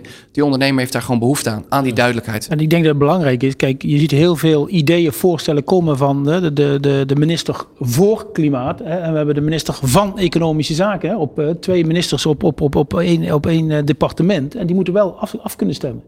En, en wat ik wel mis is, je kunt natuurlijk kun je een stuk regie pakken, hè, eh, kan de minister een stuk regie, maar de minister is ook om dingen mogelijk te maken. Als ik bijvoorbeeld terugpak naar mijn eigen provincie Limburg, hè, wat Farid ook zegt, daar lopen ook congestie vast. Want elke provincie heeft weer zijn eigen problemen. Maak het ook mogelijk dat die provincie zelf in actie kan komen met de annexes eh, of de tenets. Hè, want dat is eh, fundamenteel, die infrastructuur. Als die er al niet is, dan hoef je al over andere zaken. klein- zelfs kleine zaken Hè, eh, waar ik op werkbezoek ben geweest, kleine zaken die van een meterkast van, van één keer ve- 40 ampère naar drie keer 60, omdat ze elektrisch willen, die moeten een half jaar of drie kwart jaar wachten. Dat zijn hele kleine dingen. Dus en, en die kun je alleen maar in de regio oplossen. Ja, of Liander kan het niet leveren. Die, die- Ja, of Liander kan niet leveren. Ja. Of moet gaan kiezen tussen verschillende aanbieders. En dan zeggen ze, ja, dan gaan we publieke voorzieningen maar voorrang geven. eh, onderwijs of een ziekenhuis. Ja, dat, is, dat is ook, draagt eraan bij dat je als ondernemer niet weet waar je van op aan kunt. Ja. Dat geldt ook, kijk, dat, dat, dat vooruitschuiven van het oplossen van die grootschalige problemen, gebeurt ook met die boeren. Die weten nog niet. Kijk, als je als ondernemer hoort dat er iets staat te veranderen, dan ga je natuurlijk altijd, je gaat altijd uit van, ja, ben ik nou de persoon die hoort tot die groep die daar weer nadeel van heeft of, of niet? Maar je gaat natuurlijk niet inschatten dat je er altijd positief uitspringt. Die onzekerheid, die wil je terugbrengen. Dus dan ga je navraag doen, je gaat de duidelijkheid willen eisen. En dat als dan vanuit het, het bestuurlijke niet doorgepakt wordt in de vorm van duidelijkheid, dat betekent voor u of voor die, hè, dus als ik een bus wil kopen, ja, wat betekent dat dan? Dat is ook afstemming met lagere overheden, met een provincie, met een gemeente. En je kunt dan, dan heb je een heel mooi pakket aan, aan maatregelen en dan zie je dat gemeentes totaal niet dat ondersteunen. Ja. Heeft een ondernemer er nog niks aan. Ja. En dus dan voldoet hij aan geweldige eisen om heel duurzaam te zijn, maar hij kan in een bepaalde deel van het land kan hij zijn auto's niet opladen. Ondernemer in Utrecht die er tien jaar over heeft gedaan om een vergunning te krijgen om de boel, eh, die, eh, een panden boven zijn winkel, om die te kunnen isoleren, verbouwen en alles wat erbij kan kijken. En dit soort regelgeving is natuurlijk kwalijk, hè? want we willen die snelheid maken op verduurzamen. En ik was onlangs bij een, een bedrijf en het bouwde een prachtig nieuw kantoor. En die wilde daarvoor een groenlening hebben. En een groenlening krijg je wat korting op je, op je hypotheek voor dat pand. Eh, maar die had zulk oud hout gebruikt uit vorige panden, bijna 100 jaar oud. Daar zat geen FSC-certificering op. En die kwam niet in aanmerking voor een groene regeling. Nou, dat zijn ook van die zaken waar ik me als Kamerlid afvraag van ja, hoe, hoe zorgen we nou ook voor dat we regelgeving daadwerkelijk omzetten in werkbare regelgeving, ook voor het MKB. We willen graag duurzaam, we willen graag circulair, maar dan moeten we ook voor zorgen dat we de regels goed op orde hebben. Ja. Mustafa, jij nog over die kleine... Ja, ik, ik, ik moet even terugdenken wat Farid net zegt over, hè, wat in het begin wat hij zei over beleid maken en, en uitvoering. We zitten in een hele grote transitie en dat hebben we ook niet, hè, alles wat we nu ook bespreken, niet morgen opgelost. Maar eh, eh, het karakteriseert zich wel dat er heel veel uitvoering is. En de vraag is ook, hebben we ook de juiste mensen op de juiste plek zitten, ook op ministeries, die zich meer aan de uitvoeringskant moeten gaan bemoeien, dan alleen beleid maken. Want ik zeg wel eens in de Tweede Kamer, we kunnen wel een wedstrijdje verplassen doen over doelen, 55%, 60%. Maar dan gaan we, moeten die stap maken, we moeten vooruitkomen. Eh, En ik denk ook, het is ook een opgave aan het ministerie zelf, een uitvoeringsorganisatie, hebben we de juiste mensen op de juiste plek, die juist kunnen sturen op die uitvoering. Ook daar, maar ook, ook toch ook daar, Mustafa, en is ook tegen Romke. Ook daar zie je dat de ambities van het kabinet, hè, dus, dus eh, we willen het klimaat redden, maar we laten echt kleine ondernemers en, en mensen in de kou staan. Dus, dus het is prima dat we die grote vraagstukken willen oplossen. Dat is opgeteld het werk van, van, van alle Nederlanders, ondernemers, klein, groot, et cetera. Maar we moeten dat wel in een, eh, op een manier doen die ook die mensen voldoende meeneemt. Het kan dus niet zijn dat de opgave belangrijker wordt dan het voortbestaan Ja, van ondernemers. Ja, ja. Gaan we het zo ook nog over hebben. hè. Ehm, Ik zit opeens Hans aan te denken aan een zakenkabinet of een zakelijk ingesteld kabinet. Of eigenlijk is het een zakelijk uh, ingestelde overheid. Nou ja, kijk, ik denk dat de overheid vooral veel met dat beleid bezig is. Hè. Ja. Moesten het wel eens en, en, te weinig met hè, de uitvoering. Ja. Uh, en ik denk dat voor politici, maar ook voor mijzelf geldt. Hè, we moeten wel zorgen dat het draagvlak bij de ondernemers er is om het ook allemaal mee te maken en te gaan doen. Hè. Nou, mijn stelling is nu steeds meer draagvlak voor de verduurzaming dan voor corona hè, en voor de energiecrisis. Maar laten we dan die, die kans pakken en ook inderdaad die slag maken. Hè. Nu is het moment om het te doen. Een ander voorbeeld, we hebben nu de, de tech zometeen, hè, de ondersteuning voor de energierekening. Ja, voor ondernemers. Open. Hartstikke mooi, maar het is een pleister die we plakken. Ja. Maar aan het einde van het jaar is het voorbij en dan zit je weer met die hoge energierekening. Ja. En dan moet je weer verder als ondernemer. En dan zeg ik, ja, laten we dan dit jaar gebruiken om stappen vooruit te zetten. Niet te veel praten, maar gaan doen. Goed. We gaan uh, naar stelling 2.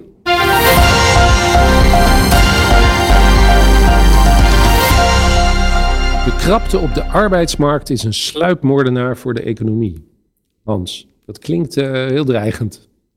Ja, maar dat is het wel. Kijk, uh, uh, nou ja, waar je ook komt, ieder gesprek wat je voert, zegt, zegt ieder ondernemer, ja, waar zijn de mensen gebleven? Het lijkt alsof na corona dat toch anders beleefd wordt dan daarvoor. Wij hebben zelf heel enthousiast meegewerkt aan het tot stand komen van het rapport Borslap, beroemd inmiddels, berucht in Den Haag ligt inmiddels al drie jaar lang uh, op tafel. Met veel goede analyses van wat gaan we nou doen om die arbeidsmarkt toekomstbestendig ja. te maken. Maar ja, dat ging nog wel uit van de periode voor corona, waarbij we ook nog werkloosheid kenden. Uh, en uit, een, uit de financiële crisis kwamen. Maar op dit moment zie je die krapte is echt een groeibreker voor de economie. Hm. Heel veel zaken kunnen maar vier, vijf dagen in de week open, omdat ze de bezetting niet meer rondkrijgen. Ja. De kosten gaan wel fors omhoog, hè? de loonkosten, de, de energiekosten. Maar je hebt niet meer de handjes om de omzet voldoende te maken. Dus ik vind het echt een zorgpunt uh, nummer één. Het staat niet op de agenda in de verkiezingscampagne helaas, ook niet in de debatten. Maar die arbeidsmarkt is echt een heel groot issue. Ik, ik had een aantal ondernemers uh, gevraagd uh, van kom eens met een vraag. In eerste instantie vooral voor Rutte. Maar en dan, dan proef je daar ook de, de frustratie eigenlijk. Hè, van ik heb iemand al vier jaar als een, een verkoper in dienst. Die is 25% in uh, salaris gestegen. Uh, daardoor komt hij voor bepaalde toelagen niet meer in aanmerking. Dus is hij vier dagen gaan werken, zodat hij wel weer voor die toelage in aanmerking kwam. Waardoor ik weer mensen in burn-out situaties heb en die kan het niet meer redden. Ja, nee, dat klopt. Dat, soort, dat soort situaties heb je ook. Nou ja, plus dat je natuurlijk ziet dat dat werkgeverschap is, wordt uh, als heel risicovol en duur ervaren. Ja. Zeker als je geen eigen HR-afdeling hebt. Dus hoe ga je daarmee om? Ja. Zelf al ruim 30 jaar werkgever, mm. durft ook nauwelijks maar aan, zeg maar. Dus er zijn allerlei dingen die spelen. Maar mijn kernprobleem is nu dat, en dat heeft Borslap heel scherp geanalyseerd, op pagina 1 ook opgeschreven van het rapport. Hè. Mm. Hou nou op met cherrypicking. Je moet het echt in zijn totaliteit aanpakken. En wat zien we nu gebeuren weer? Allemaal leuke plannetjes. Hè. We gaan weer allemaal deeloplossingjes gaan we weer toepassen. Mm. Hè. En ja, dat hebben we heel lang gedaan. Dat heeft tot heel veel problemen geleid. Ja. Nu ligt er een goede analyse en een goed rapport. En wat gaan we doen? We gaan we cherrypicken. Ja. En ik ben wel heel benieuwd, uh, ja, Farid, hoe jij daar nou tegenaan kijkt. Ja, nou, we hebben, we hebben uh, denk drie kwart jaar geleden een debat gehad over de krapte op de arbeidsmarkt. En de directe aanleiding was inderdaad dat we vlak na corona, ik weet ook niet waar die mensen gebleven zijn. Uh, ik sprak ondernemers die zeiden, als ik dan kwam aanlopen en ik wilde koffie drinken, zeiden ze, wilt u alsjeblieft binnen zitten, want ik heb geen personeel voor het terras. Of u moet een rondje gaan lopen. Dan komt u maar over een uurtje terug. Hmm. Ik heb ondernemers meegemaakt die, die gewoon ook in de, in de consultancy zeggen: ja, wij trekken het ook niet meer. Nou, we kennen de situatie op de, op de, in de bouw. Mensen die, die echt uh, hele stevige prijzen, dat je ook als, uh, nou ja, als consument, als je dan een verbouwing had, niet meer aan de, dus, dus niet meer aan de beurt komt. Dus dat probleem is echt heel nijpend. En ik heb, ik, ik denk nog wel eens terug aan dat debat. Hè. Ik heb daarin ook op geen enkele manier niet eens het begin van een visie gehoord. Laat staan een reactie op, op, op commissie Borstlab. We hebben gezien dat door corona er een aantal hele mooie ontwikkelingen zijn, zijn, zijn versneld. Afstand werken bleek ineens een stuk makkelijker te zijn, samenwerken. Het kon allemaal een stuk efficiënter. En we zagen eigenlijk, ik weet nog dat ik zat naast de Hoekstraat toen die zei, toen corona startte. Nou, wat er ook nodig is, ook als die economie uh, 5, 6 procent inzakt, 100 miljard. In de praktijk bleken we heel snel eigenlijk uh, dat te kunnen opvangen. De economie draaide goed door. En ineens vlak na corona waren we die mensen kwijt. Nou, daar wil ik wel eens een keer goed een onderzoek naar doen. Dat zit misschien in die long-covid mensen, 100.000 die, die ziek zijn, uh, langdurig, weet ik niet. Er worden allerlei redenen aangevoerd. Feit is dat het kabinet eigenlijk met een visie op die, op die arbeidsmarkt moet komen. En ook dat is weer een stuk duidelijkheid. We hebben met de conclusies van Boslab gezien dat die, die flexibilisering op die arbeidsmarkt is zo ver doorgeschoten. Terwijl de overheid eigenlijk vasthoudt aan het, het model uit 70, 1980, 1990, namelijk het vast contract is heilig. En alles wordt daarom gebouwd. Dit is echt een groep mensen, daar wil ik een lans voor breken, die wil degelijk flexibel wil werken, die zelf wil bepalen hoeveel uren ze werken, voor welke baas. Dat moet de overheid gaan faciliteren. Dat kan echt ondernemers heel goed ondersteunen. En eigenlijk is het moment nu, of je hebt een vast contract, of je zit met tegenzin in een flexibel contract. En, en dat is gewoon een slechte situatie. Het tweede wat ik wil zeggen is, ik vind dat ondernemers ook echt de boot gemist hebben in het investeren, soms ook van personeel. Wat ik zie bijvoorbeeld in de kinderopvang, is dat het op dit moment zo is dat als de schaarste zich voordoet, namelijk in personeel, dat personeelsleden zich eigenlijk niet meer betrokken voelen bij een onderneming. En zeggen, joh, waar ik straks meer kan verdienen, ben ik ook weg. Ja. Dus je ziet ook daar dat mensen heel snel weglopen, niet meer verbonden zijn met die onderneming. En eigenlijk eh, ja, te snel die ondernemer in de steek laten. Dat is echt de verantwoordelijkheid ook van de, van de ondernemer. En helemaal tot slot, ik heb ongelooflijk veel respect voor ondernemers. En zeker de kleinere, want ik geef het je te doen. De verantwoordelijkheid die je hebt bij ziektedoorbetaling. Soms hele kleine marges die je haalt, die in één keer weg zijn als er een keer iets in die organisatie gebeurt. Alles wat je moet opvangen aan regelgeving, die best ingewikkeld is. En dat kun je als je, nou ja, als je schaalgrootte hebt, maar als je 10 tot 20 personeelsleden hebt. Of nog minder. Of nog minder in een familieachtige setting. Ja, dat is niet te doen. Vind ik echt niet te doen. Mustafa? Ja, kijk, wij, de borstlap is geweest, hè, de, maar de uitvoering hebben we nog niet helemaal opgepakt. Maar we hebben wel vorig jaar een motie, en die is ook Kamerbreed bijna ondersteund, dat aanvalsplan hè, op tekort op de arbeidsmarkt, en met name technisch personeel. Want je ziet gewoon al een jaar, een gedeelte zag je al aankomen, de vergrijzing in Nederland, maar ook de vergrijzing in Europa, die neemt gewoon toe. Dus de luxe die we hadden, dat mensen uit Oost-Europa even naar Nederland komen werken, dat droogt op. Ja. Je ziet nog een beetje ruimte in Bulgarije, Roemenië. Dat zie je ook in de kader van hè, de, de minimumlonen. Dat, dat scheelt ook nog een beetje. Maar je gaat ervan uit, een, binnen een kort tijdsbestek vergrijst Europa en eh, alle lonen komen een beetje tegen elkaar op. En dus is een van de uitgangspunten dat je moet dealen met schaarste. Een van de belangrijkste is ook dealen met schaarste. Dat ga je ook niet alleen maar opvangen met nieuwe arbeidsmigranten. Wij hebben altijd gezegd ook, hè, ook de Metaalunie heeft het ondersteund voor kleine MKB-bedrijven. Zorg dat je ook investeert in die arbeidsproductiviteit op de werkvloer. Dat geldt over digitalisering, robotisering. Dat kan een klein bedrijf zijn, maar dat kan ook een middelgroot bedrijf zijn. Ik denk dat dat heel belangrijk is, maar dan moet de overheid ook een stukje faciliteren. Bijvoorbeeld productinnovatie, dat faciliteren we. Maar als we nu hè, eh, arbeidsproductiviteit eigenlijk een publiek belang is geworden, dat gaat ons allemaal aan, dan moet de overheid dat ook ondersteunen. En dat, dat ligt voor. Ja. Eh, er ligt wel nu de brief eh, en actieplan. hè, eh, groene en digitale banen, die gaan we in mei bespreken. Maar ik mis daar wel een beetje de urgentie. Het is niet meer zoiets dat je dat arbeidstekort aan het bedrijfsleven over kunt laten. Ik, ik zeg herhaaldelijk, het is een publiek belang geworden voor Nederland. Hoe wij in de toekomst ons geld willen verdienen. En, en dan maken we ook de brug nog waar we het net over hadden. We zijn heel goed in die ambities neer te zetten van klimaat. Maar dat gaat hem niet worden. Het gaat hem niet worden, die zonnepanelen allemaal, die kabels die allemaal de grond in moeten allemaal. Dat kan gewoon niet. Dus we zullen daar ook keuzes moeten maken. Ja. Zijn, er, zijn er niet te veel ambtenaren? Moet, moet daar niet wat van eh, doorschuiven? Nou, ik denk op sommige punten, ik denk dat we de, de overheid ook wel op sommige punten wel uit, uit, eh, uit, uitgehold hebben. Dus dat mag op sommige punten wel terug. Maar uh, Farid zegt, waar zijn die verschillende anderen gebleven? Kijk, we hebben behoorlijke programma's opgetuigd. Over, over, kijk even naar de banken, witwassen tegengaan. Daar werken duizenden mensen extra bij de banken. Dus die, die ben je al kwijt. De vergrijzing, die ben je al kwijt. Een aantal arbeidsmigranten die in Polen zijn gebleven na corona, die ben je al kwijt. Dus het, onder de streep kom je terug. Het zijn er minder. Hm. Ja, Ronke, ehm, hoe is dat bij jullie gegaan in tijden van corona? Je had mensen in dienst, of je vader dan, eh, maar ja, die hadden die werk. Hoe, hoe heb je dat opgelost? Nou, er waren even geen ijskarren op straat. Dus Nee. eh, dat was inderdaad eh, wennen. Gelukkig kregen ze een plekje in de, in de ijsfabriek en konden we iedereen behouden. Maar het investeren om mensen te behouden is heel belangrijk. En dat zagen we ook in coronatijd. Hè. Heel veel werkgevers hebben echt hun best gedaan om mensen aan de slag te houden. We hebben daar als overheid ook een forse bijdrage in kunnen leveren. Maar ik was echt trots op die werkgevers die zeiden van ja, wij zorgen dat we goed, zijn, goed zorgen voor onze mensen. Alternatieve klusjes, soms iets minder werk, maar ze bleven wel. Maar het is wel te kort. Er is te weinig. En eh, ik maak me daar, eh, net als mijn collega's, grote zorgen over. En waar ik ook een lans voor wil breken is dat we blijven investeren voor onderwijs voor mensen. We zien de banen ook gewoon veranderen. Ik hoor Mustafa net zeggen, we hebben de handjes niet. Nee, we moeten ook nog heel veel mensen omscholen. Dat ze ook klaar zijn zometeen om die enorme groene transitie die we met z'n allen willen, voor die zonnepanelen op bedrijven of bedrijven überhaupt aansluiten op het net, dat we die kunnen, überhaupt kunnen vinden. En dat betekent ook opleiden. Dus dat leven lang leren waar veel partijen ook voor staan, betekent ook gewoon echt fors investeren in je mensen. En niet alleen zoals Farid zegt, op basis van een goed salaris en dat ze weggaan naar een, een ander, maar ook zorgen dat die mensen zich kunnen ontwikkelen. In je eigen vakgebied, maar misschien ook breder dan dat. Ja.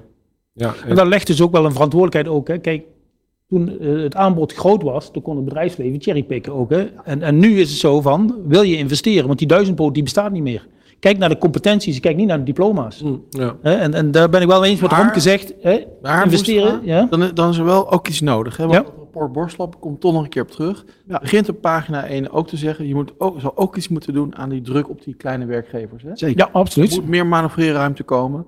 Want we hebben heel veel op dat bordje van die werkgevers neergelegd. Hè? En nu, nu zijn we drie jaar verder. En ik hoor toch weer plannen om dat werkgeverschap nog verder te verzwaren. Met nog veel meer verantwoordelijkheden. Terwijl ja, juist Borstlap adviseert, geef er iets meer manoeuvreerruimte aan die werkgevers. Dus hoe gaan, hoe gaan we dat dan met elkaar matchen? Kijk, ik pak er één punt uit van Borslap. Dat zit bij collega Palland die de arbeidsmarkt doet. Wat ik belangrijk vind in elk geval in, in Borslap is... en dat hebben we ook gezien de afgelopen jaren... er zijn tijden dat we heel goed boeren, zeg maar met z'n allen... Hè, dat, dat de economie het heel goed doet... en tijden waar het slechter gaat. En dan vallen we elke keer weer in een soort ad hoc crisisaanpak. Waar wij al jaren voor pleiten... kom eens ook eens met die deeltijd-WW-achtige... Als het goed gaat, dan kun je er ook voor sparen. En als het slecht gaat, dan kun je ook goede mensen behouden. Hè, Ik weet nog in 2012, toen werkte ik zelf nog bij ASML. Toen was ook de crisisjaren.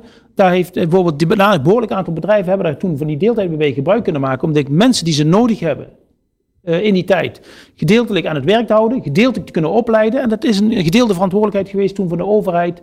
En, en wat hebben we daarvan geleerd? En begin dat nu met uitvoeren. Ja. Daar hebben we al heel lang op gezeten, maar het komt nog niet. En dat geldt ook voor onze eigen minister die daar nu op zit, maar dat geldt ook voor Koolmees die er eerder op zat. Alsjeblieft, kom daarmee en niet tot weer de volgende crisis eraan komt. Kijk, je hebt, je hebt, kijk, Boslab zegt op een gegeven moment ook... met 2 miljoen mensen in een flexomgeving zijn we echt doorgeschoten. Dat moet je dus, en dat vergt van de overheid dus ook een andere kijk... op, op hoe ze aan de ene kant omgaan met het ruimte geven aan, aan ondernemers... ook in de vorm van ZZP'er ten opzichte van het vast contract. En dan geef ik één voorbeeld die ik echt... ik snap er helemaal niks van. Ik was met Koolmees in gesprek tijdens corona... en ik vroeg me af waarom een ZZP'er... Die kreeg eh, maximaal eh, als tegemoetkoming NOW eh 15, 1600 euro. En dan moest er ook nog een vermogenstoets plaatsvinden Ja, voor de partner. Zijn partner. Voor zijn partner. En terwijl iemand in loondienst, die komt tot drie keer modaal. Namelijk 9500 euro. Ik heb aan de heer Koolmees gevraagd, minister, waarom doet u dit zo? Waarom topt u dat niet af? Want dat betalen we voor 80% als samenleving. Dus waarom betalen wij nou als samenleving 80% van het salaris van iemand van 9500, maar vertikken we het om iemand in een ZZP-constructie die 1700, 1600 euro te geven? Ja, dat is die verkeerde focus weer. Dan ben je beschermd in die, in die, in die eh, omgeving met een stukje zekerheid.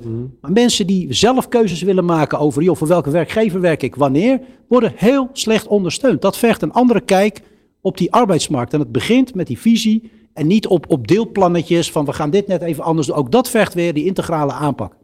Hans, ik moet opeens denken aan een soort sociale dienstplicht, maar dan anders dan wat die sociale dienstplicht inhoudt. Maar wel, geef die jongeren maar de kans om ervaring op te doen en geld te verdienen en ook geld te kunnen uitgeven. Maar elke dag op, op je werk verschijnen, dat soort zaken. Ehm, hoe rond je deze discussie af?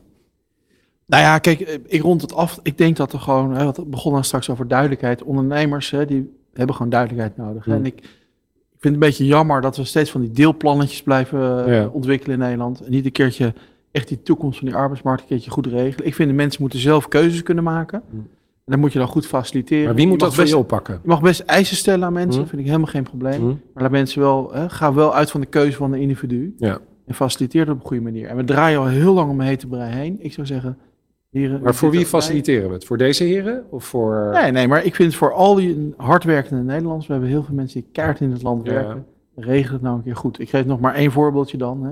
De wet DBA in 2016 geïntroduceerd. Mm. Zes maanden later op sterk ijs gezet. We zijn nu in 2023. Nog steeds hebben we het niet geregeld. Hoe gaan we het nu doen de komende jaren? Mm. Eigenlijk, dat vind ik in een land als Nederland eigenlijk niet kunnen. En dat is de wet voor de directeur? Nou, dat is, dat is zeg maar de, de, de, de fiscale wetgeving rond ZZP'ers, is Ja. dat, hè, de wet DBA. ja. Eh, maar dat is gewoon een voorbeeldje. Ik kan nog Mm. veel meer noemen. Mm. Onder andere, Hans, ook daarin de onduidelijkheid, de afbouw van de zelfstandige aftrek. Ja. Weet je, dat stimuleert voor geen enkele meter. Er werd een, voor een deel misbruik, het concurreren op een verkeerde manier. En dan zegt de overheid, we gaan hem volledig afbouwen. We krijgen weer iets anders voor terug. En dat moet je weer gaan uitzoeken. Mm. Dus dan, dan, dan probeer je mee te doen, in die, je probeert mee te doen op die arbeidsmarkt. Je hebt, je hebt duidelijkheid over zijn regeling. Dan wordt die op een gegeven moment afgeschaft. Dan komt er weer iets anders voor terug. Dan moet je kijken waar je weer nou ja, in die hele fiscale situatie in past. En dat, weet je, dat, dat is ook niet duidelijk. Weer zo'n deelaanpak. Maar laten we ook even een, een mooi iets pakken. Waar ik erg trots op ben, is toch ook dat het kabinet deze periode heeft gezegd: we gaan zorgen voor bijna gratis kinderopvang. En dat zal in het begin is dat lastig om die medewerkers Dat is een te belofte, maar Dat, zorgt, dat gaat er wel voor zorgen. Eén, één medewerker daar kan zorgen voor zeven mensen die aan het werk kunnen. Ja, ja. En dan gaat het weer om die keuze die jij ook aangeeft. Hans, kies, laat mensen kiezen om meer te gaan werken.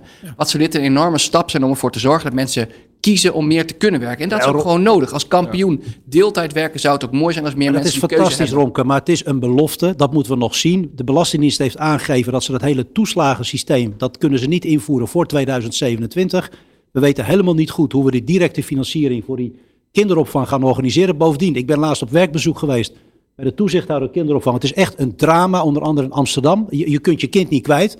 Waar halen we die mensen dan vandaan? Dus ik, ik vind dat, en, weet je, we werken heel goed samen. Maar dat vind ik echt een belofte die gedaan wordt. We gaan dat gratis maken voor heel veel mensen. Maar, maar wat dat nou precies oplost en wanneer we dat dan gaan doen, eh, goed idee. Maar er gaat nog heel wat water door de Rijn voordat we er zijn. over, sorry Romke, maar over financiering gesproken, want we hebben nog, eh, we hebben precies, ja, over financiering gesproken, we gaan naar stelling 3.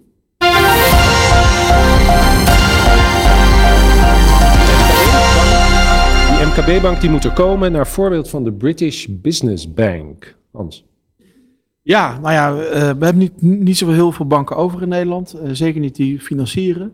Eh, er zijn heel veel regelingen, er zijn heel veel non-bankaire oplossingen. Maar eh, we hebben het er eerder over gehad. Het is voor ondernemers lastig om daar hun weg in te vinden. Ze doen het ook niet dagelijks, hè, financieren. Het is net met je huis. Hè. Hoe vaak koop je een huis en sluit je een hypotheek af? Nou, geldt voor ondernemersfinanciering Ja. ook. Dus er is wel veel, maar hoe vind je je weg daarin? Ehm, en we zien nu met alle nieuwe uitdagingen rond bijvoorbeeld verduurzaming, hè, dat je ziet dat de traditionele banken nog traditionele oplossingen hebben als het gaat om financieren.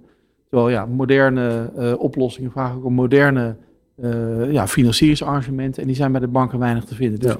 ik ben een hardgrondig voorstander van een MKB-bank, maar wel naar het model van die British Business Bank. Die zeggen namelijk ontsluiten financiering naar het MKB met advies, maar vooral ook hoe vind je je weg in dat land van al die regelingen. Ja. En ik hoop dat die er nu snel komt. Ja. En Mustafa, jij bent daar een groot voorstander van en een strijder voor. We hebben er een motie ingediend, ook daar weer, volgens mij alle partijen hier aan tafel, maar veel meer eh, die dat ook ondersteund hebben. En het begint eerst met inderdaad, eh, geld is een middel, daar begint het mee. En je ziet gewoon de systeembanken die we hebben, ik ga ze niet bij naam noemen, die hebben die focus niet op, op, op die onderkant van de markt, zeg ik even, of die kleine ondernemers. Sterker nog, die hebben er afscheid van genomen. ongeveer. Ja, maar dan- dan moeten ze het uitspreken. En ik vind het nog te weinig dat ze het uitspreken, dat ze zeggen dat is moeilijk voor ons, dat is duur. Hè? Gezien de compliance is allemaal duur. Dat is eigenlijk niet meer onze core business. Als zo'n bedrijf doorgroeit, dan is die welkom. En daarom is zo'n model als de British Business Bank. Ik heb daar drie weken geleden had ik ook nog een videocall met de British Business Bank zelf, om ook goed geïnformeerd te raken.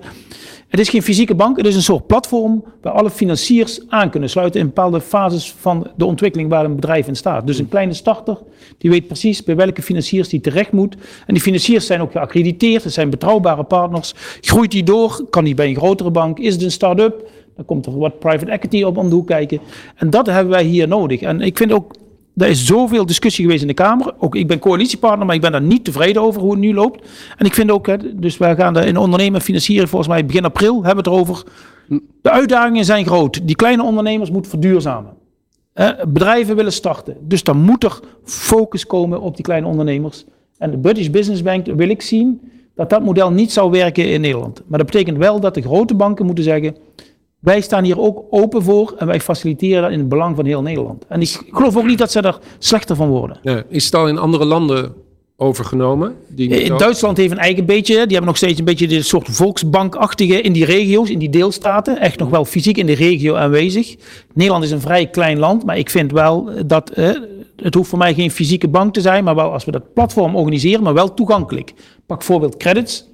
Is in de landen, ook regionaal, ook bij ons in het zuiden, heel goed. Hè? Dus komt uit Overijssel een beetje die regio. Maar Eindhoven, Limburg, kun je terecht bij credits, bij de mensen van credits. Ja. Dus ik vind dat heel belangrijk. En ik hoop ook eigenlijk dat wij binnen de Tweede Kamer ook een soort coalitie kunnen bouwen, zeg maar, om die MKB-bank eh, inhoud te gaan geven. Het is nog veel simpeler, eh, Mustafa. Ja. Kijk, de Rabobank vroeger, dat, dat leerde ik, had een goede maat van mij weg bij de Rabobank. Kijk, de Rabobank was vroeger, eh, het hoofdkantoor was een dochter met 500 moeders. Ja. Hè, dus die, Coöperatie. die lokale banken die zaten diep in de gemeenschappen, lokaal, en die wisten precies hoe ze het ineens moesten ondersteunen. En toen moest dat centraal geleid worden met een CEO. En dat moest verdienend, dat moest meer verdienen, et cetera. is allemaal gelukt. Eh, Allemaal prima. Maar we hebben ook nog een volksbank. We hebben dus een overheidsbank. En als wij met elkaar vinden, Mustafa, en ik heb dat ook aan de minister van Financiën gevraagd. Als wij vinden dat het maatschappelijk vraagstuk is in het maatschappelijk belang, dat financiering aan ondernemers wordt verstrekt, dan gaan we dat gewoon vragen aan de Volksbank. Dat betekent dat waar het fout gaat, en dat is de reden waarom het niet gebeurt, is, is gewoon een eh, geldafweging. Het is voor een bank, een systeembank, is het net zoveel, eh, kost het net zoveel om Een kleine financiering weer. financiering te doen voor een half miljoen euro Ja. als voor 10 miljoen. Maar op 10 miljoen verdienen ze een stuk meer. Dus dan zijn de constante kosten, hè, die zijn dan, eh, Williamson zou zeggen, dan zijn de, de, de, de transactiekosten zijn heel laag ten opzichte van de opbrengst. Dus dat is gewoon niet aantrekkelijk. Maar ik vind het een maatschappelijke opgave en ik vind het belangrijk voor de samenleving. Dus we zijn 100% eigenaar van de Volksbank. We zijn nog groot aandeelhouder in ABN AMRO. Geef ze die opdracht. Wat is daar moeilijk aan? Geef de, en ik denk dat de Volksbank, ik was met de CEO gesproken, die wil dat best. Ik denk Maar dat dat betekent wel dat we als samenleving zitten. Dan moeten we niet volgens de staatsdeelnemerclub bij Financiën zeggen. maar dan moet het hetzelfde rendement halen als ING. Dan moet het hetzelfde rendement halen als al die anderen. Want dan pikken we nog eens een keer. Dus stel daar nou gewoon geld ter beschikking voor. Weet ik veel, dat, dat kost dan maar 200 miljoen per jaar. Maar dan hebben we onze, eh, onze MKB. krijgen dan gewoon op een goede manier doorgerekend wat ze nodig hebben. Het krediet wordt ter beschikking gesteld. Dat wordt netjes begeleid. Waarom doen we dat niet? Ik, ik, ik ben met je eens dat de, de, de Volksbank daar een deeloplossing van is. Als ik de British Business Bank, de platform zie, dan zie ik ook zo'n banken actief inderdaad die daar meedoen, die ook garanties geven om daar actief. Maar er zijn natuurlijk veel meer financierders die specifiek op een bepaalde groep zitten. Dus ik, ik, heb vraagtekens. Ik zeg niet dat het niet kan. Ik heb vraagtekens of de Volksbank de oplossing is. Maar ik, heb wel, eh, eh, ik ben wel met je eens. We moeten zeker onderzoeken hoe de Volksbank daar onderdeel kan zijn. Maar de overheid, kijk, want dat is het probleem. De overheid staat vervolgens, kijk, als je het hebt over risico, opslagen, et cetera. Dan is de overheid is, is eigenaar en dat is, wij deden dat vroeger, noemen we dat schatkistbankieren. De overheid staat garant. En ik, ik weet nog, toen ik zelf nog bij het ministerie eh, werkte, als wij eh, een paar miljard nodig hadden voor het vastgoed waar wij zaten, ja, dan kregen we dat tegen een geweldig tarief. Daar kon niemand tegenop. Dus als de overheid garant staat voor die Volksbank, dan is dat eh, zeg maar de dekking. Dan kan de Volksbank dat geld op een prima manier verstrekken aan ondernemers. Ik snap niet, en ik zou het niet ingewikkelder maken, want als ondernemer wil ik niet uit vijf verschillende keuzes maken als ik gewoon een hele goede heb. Ik wil het simpel hebben. Kijk, de tijd staat niet stil. Laten we daar ook eerlijk in zijn. Toen ik begon met ondernemen en ik was 16, toen kwam de lokale bankdirecteur van de Rabobank in Gorredijk kwam bij mijn ouders op de koffie om eens te kijken wat voor een knul dat nou eigenlijk was. Ja. En die keken eens een keer goed en die zeiden, ouders, en als ik tegenwoordig kijk, dan zeiden ze, eh, ga je online en dan ga je kijken, ja, wat kan en wat is dan je balans. En dus het is- vraagt om een hele andere manier van financieren. En dat maakt het ook complex voor kleinere ondernemers. Want waar je vroeger nog heel goed uit kon leggen wat je plan is, word je tegenwoordig gewoon, moet je een reeks cijfers invullen en dan heb je, krijg je te horen of je financiering hebt. Dus ook hierin geldt, er zijn natuurlijk ook heel veel alternatieve financieringsvormen bijgekomen. Ja. Twintig jaar geleden wist wat crowdfunding was. Eh, reversed ehm, eh, billing. ehm, verzekeringen die, de- die krediet afdekken. Dus de tijd heeft niet stilgestaan, ook in de positieve zin. Dus ondernemers hebben ook meer keuze. Waar mijn zorg in zit en waar ik ook een plan voor heb gemaakt... iets meer dan een maand geleden, het financieringsplan... is hoe zorgen we nou voor dat die kleine ondernemer wel die toegang houdt tot dat kapitaal. En daar ben ik het, zowel moesten we als eh Farid eens... dat moeten we ook borgen. Dat is ook een, een zaak van ons als partijen in de Tweede Kamer. En ik weet ook niet helemaal of de Volksbank de oplossing is. Het kan een deel zijn van de oplossing. Maar belangrijker is eerst om alles onder één dak te brengen. Want wat gebeurt er nou na die afwijzing van die bank? Waar kan die ondernemer nou terecht? En veel ondernemers weten dat dan ook niet. Die kennen die routes niet. En ook niet iedereen is geschikt voor crowdfinance. Niet iedereen durft het aan.